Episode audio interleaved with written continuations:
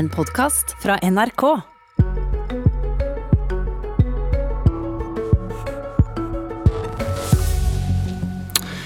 Det var en gang en Høyre-ordfører i Molde som gikk til angrep på Arbeiderpartiets byrådsleder i Oslo, som var så dårlig i pandemihåndtering.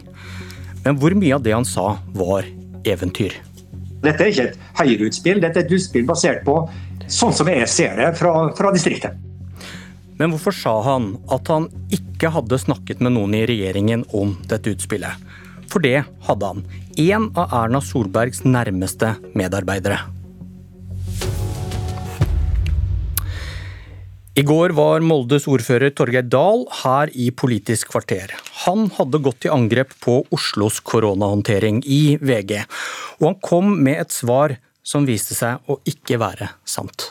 Men hadde du avklart dette utspillet med noen i Høyre-ledelsen?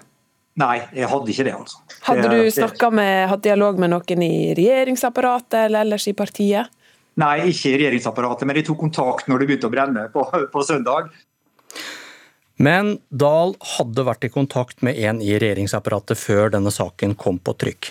Statsministerens statssekretær Peder Ekseth, en av Erna Solbergs nærmeste medarbeidere. Ekseth ringte VG og fortalte at Høyre-ordføreren i Molde hadde et utspill. Det var bare å ringe han. Det framstår for meg som at statsministerens kontor arbeidet aktivt for å få ut dette angrepet på Oslo, sier byrådsleder Raymond Johansen, som spør handlet statssekretæren i forståelse med statsministeren, eller ikke? Og Erna Solberg har sendt et kort svar til NRK, da hun sier at hun ikke kjente til saken før hun leste den i VG søndag. Og at det er unødvendig å sette by og land opp mot hverandre på denne måten, og at hun har gitt tydelig beskjed om dette internt, også til sin statssekretær. Høyre fikk tilbudet, men sa nei til å komme hit i dag for å forklare hva i all verden som har skjedd her. Politisk kommentator i NRK, Magnus Takvam. Hva vet du om hva i all verden som har skjedd her?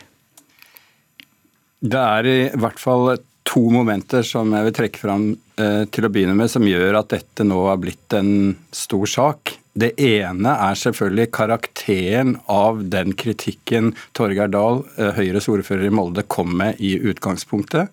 Der han jo eh, i hvert fall indirekte ansvarliggjorde Oslos innbyggere, og ikke bare byrådet, for eh, å ha bidratt til en smittespredning rundt om i andre kommuner i Norge.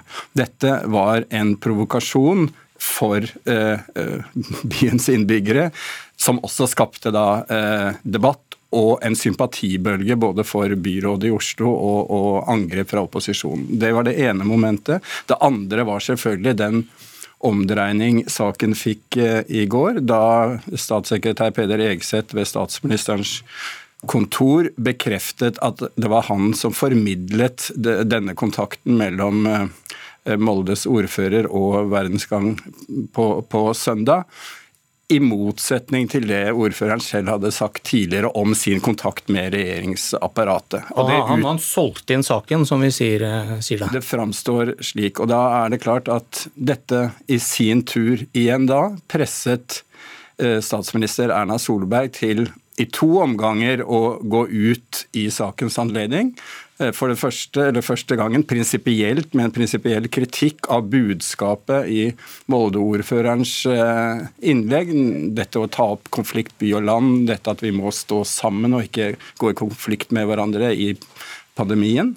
Og så da denne linken til statsministerens kontor ble, ble kjent, og en usikkerhet om Erna Solberg selv kunne ha vært orientert og visst om dette, måtte avkrefte det. Slik at det framstår jo som en type eh, krisehåndtering der man blir presset, så å si, eh, fra, fra skanse til skanse i, i saken. Statsministeren sier da og ber om å bli trodd på at hun ikke kjente til saken. Hun sto ikke bak dette utspillet. Men statsministerens kontor kjente til utspillet, og en statssekretær som da er nummer to i hierarkiet her. Hva slags ansvar har Erna Solberg for det som har skjedd her?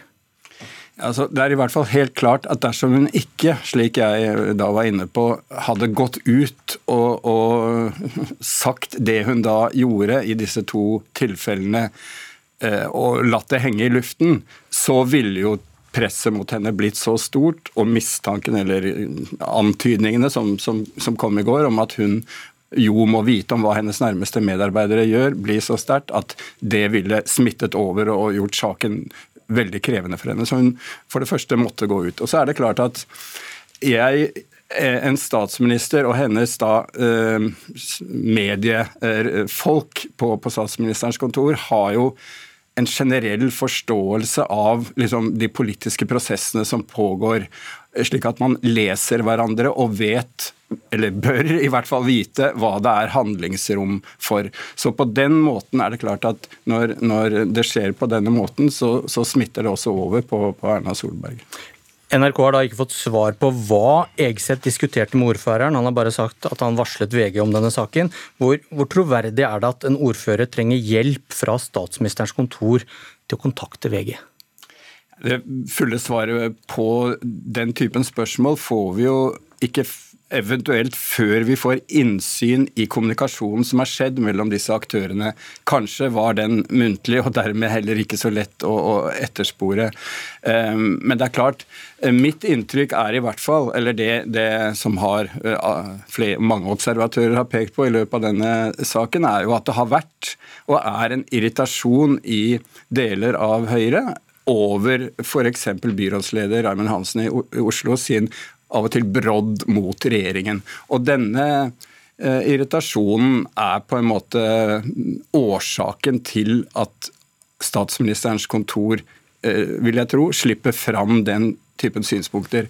Så er jo det, det, alvorlige i saken, og som gjorde at den som jeg sa, fikk en slik dimensjon, dette angrepet på Oslos innbyggere eh, fra Torgeir Dahl. Hadde det vært en skal vi si, tradisjonell politisk eh, kritikk, så tror jeg saken hadde sett eh, annerledes ut. Men alt er jo ikke kommet på bordet ennå. Hvor troverdig er det at en statssekretær ved statsministerens kontor formidler en sak til VG som han ikke stiller seg bak? Som han ikke er enig i? Ja, det, avheng, Nei, det, det, høres ut som plausibelt at, at eh, en Høyre-ordfører eh, kontakter en pressemedarbeider på statsministerens kontor for å formidle et budskap, og det er slik, slik det skal være. De er medlem av samme parti, og de jobber for den samme regjeringen. Så det springende punktet i, i den kommunikasjonen mellom disse to er jo om de råd om eh, Peder Egseth i dette tilfellet rådførte seg med, diskuterte med Torgeir Dahl om det konkrete innholdet i budskapet, bl.a. dette punktet om angrepet på innbyggerne. Jeg tror ikke en en seriøs kommunikasjonsmedarbeider ville ha sluppet gjennom det. Det er liksom den typen angrep. Det er i hvert fall min, min vurdering. En del spørsmål henger i lufta. Jeg tipper ganske mange prøver å ta de ned i løpet av dagen. Og, og senere i dag får vi kanskje vite mer om Oslo skal få vaksiner før Molde.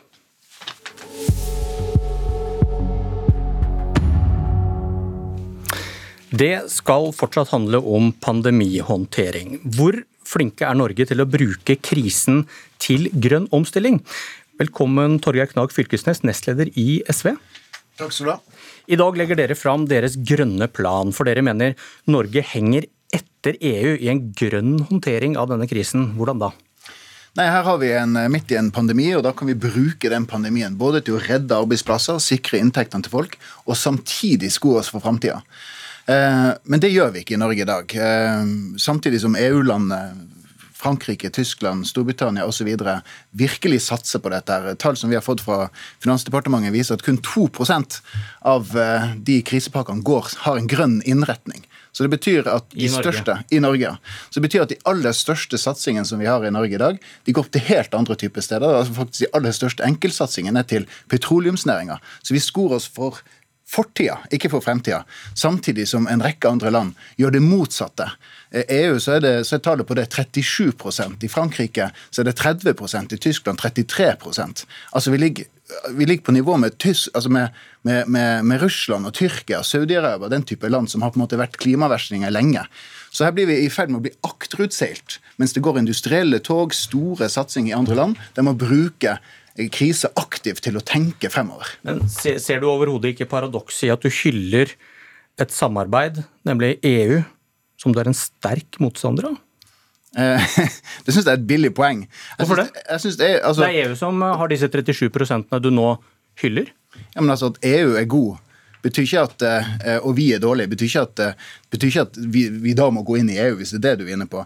EU er rett og slett vesentlig mye bedre enn denne regjeringa. Ja, og Ser du ikke paradokset i at du hyller et samarbeid på klima som du ikke vil være med i? Nei, men De er ufattelig gode på klima akkurat nå. De har en kjempestor satsing på, på krisepakke. De har en green deal som vi har tatt til orde for at vi skal også gjennomføre i Norge.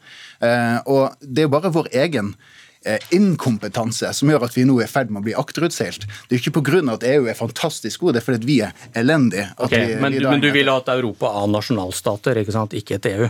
Altså, Eh, vi, vi, kan gjøre, vi kan gjøre hva vi vil her. Vi kan satse på fortida eller vi kan satse på fremtida.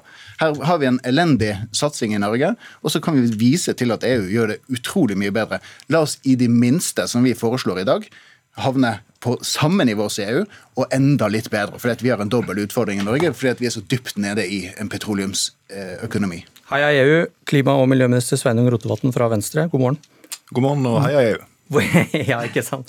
Hvorfor bruker Norge bare 2% av krisepengene på grønn omstilling, når ditt elskede EU bruker 37 Ja, men det er en helt meningsløs måte å rekne og sammenligne på. Ja, du, du vil ikke se, på, se til EU, du altså? Ja, Men jeg må få forklare hvorfor. Fordi at heldigvis så har jo ikke Sosialistisk Venstreparti og Senterpartiet fått gjennomslag for å melde oss ut av EØS-avtalen. Og Derfor er det slik at når en satser stort på ulike program i EU, så er det ikke slik at EU gjør det og Norge ikke er med. Vi er jo med. Når en satser mye penger på Horisont Europa, på EUs innovasjonsfond, så er dette ordninger som Norge deltar i, betaler penger inn til og får penger ut av. Så f.eks. nå i høst, når det ble gitt støtte til eh, to nye hydrogendrivne skip som skal gå fra Stavanger til Kristiansund, viktig del av det grønne skiftet, frakta gods. Hvem får de penger av? Det er bl.a. EUs innovasjonsfond. Det vil ikke en ha tilgang til dersom en skulle gjøre som SV og melde oss ut av Så vi er med på denne 37 da, mener du, eller? Vi er med på veldig mye av det. Hvor mye, men eh, hvorfor bruker vi bare 2 her hjemme? Vi bruker masse her hjemme. For eksempel så Hvor mye? Hvor mange milliarder? Det spørs hva du regner på, men hvis du f.eks. tar den største klimainvesteringen i norsk industri noensinne, karbonfangst og -lagring Nei, ta krisepengene. som vi Nei, men Jeg snakker om tar den fordi det var ikke en del av en krisepakke. Vi kunne Nei, men vi snakker om krisepengene. Men det er poenget mitt at Vi kunne sikkert lagt det inn i en krisepakke for å jekke opp et eller annet tall, men det gjør vi ikke. Vi jukser ikke. Vi la det inn i statsbudsjettet. Og Hvis du tar med alle de klimasatsingene som regjeringa nå gjør, som gjør at utslippene går ned, at nye prosjekt skyter opp på hvert et nes, så er vi helt i front i det grønne Det er bare dumme regneøvelser, dette er Knag Fylkesnes. De dumme regneøvelsene kommer i så fall fra Finansdepartementet sjøl. Vi har spurt de. Det er de som har kommet med fasiten 2% der det er 37% i EU, 30% i Frankrike osv. Så videre. sånn at vi er i ferd med å gå motsatt vei. Her har vi en fantastisk mulighet til å skape de nye arbeidsplassene, sikre arbeidsplasser, inntekter og tenke fremover. Og så gjør vi ikke det. Og det som da skjer, det er at andre land satser kolossalt. Vi blir akterutseilt. Dette er dårlig nytt for industrien. ikke sant? Der vi kjører i små satsinger og går i motsatt retning, der andre land tenker stort, eh, tenker på framtida og bygger samfunn. Så her har vi en historisk mulighet til å bruke denne krisa til å bygge det nye samfunnet, og så sitter vi og putler. Som om det ingenting har skjedd, ingen klimaendringer pågår eller noe.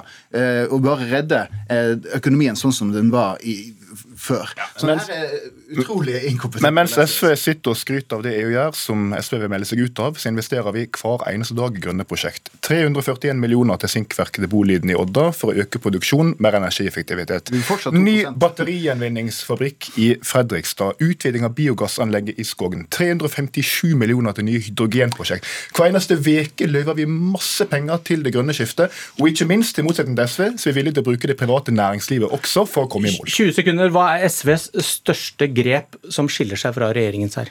Vi vil etablere en stor grønn statlig investeringsbank. Vi vil etablere statlig investeringsselskap. Men en liten utfordring til Venstre. Hvis de kan bare sørge for at Norge blir like god som EU, så skal vi pushe på for at Norge skal bli enda litt bedre enn EU. Men da har vi en lang vei å gå. Hva, hva syns du om stikkordene du fikk fra hva SV vil gjøre annerledes enn dere? Ja, det er som vanlig med SV at de mener at vi skal opprette en stor statsbedrift, og sånn skal du løse utfordringer. Slik har det aldri vært, og slik kommer det ikke til å bli. Vi trenger et godt offentlig-privat samarbeid der staten bidrar med ekstra midler, men også der det er mulig å tjene penger på det grønne skiftet. For det blir ikke grønt skifte med røde tall, og det blir ikke grønt skifte med en sosialistisk tilnærming til næringspolitikken. Ok, så tar vi den ordentlige EU-debatten en annen morgen. Takk for at dere kom. Dette var Politisk kvarter. Jeg heter Bjørn Myklebust.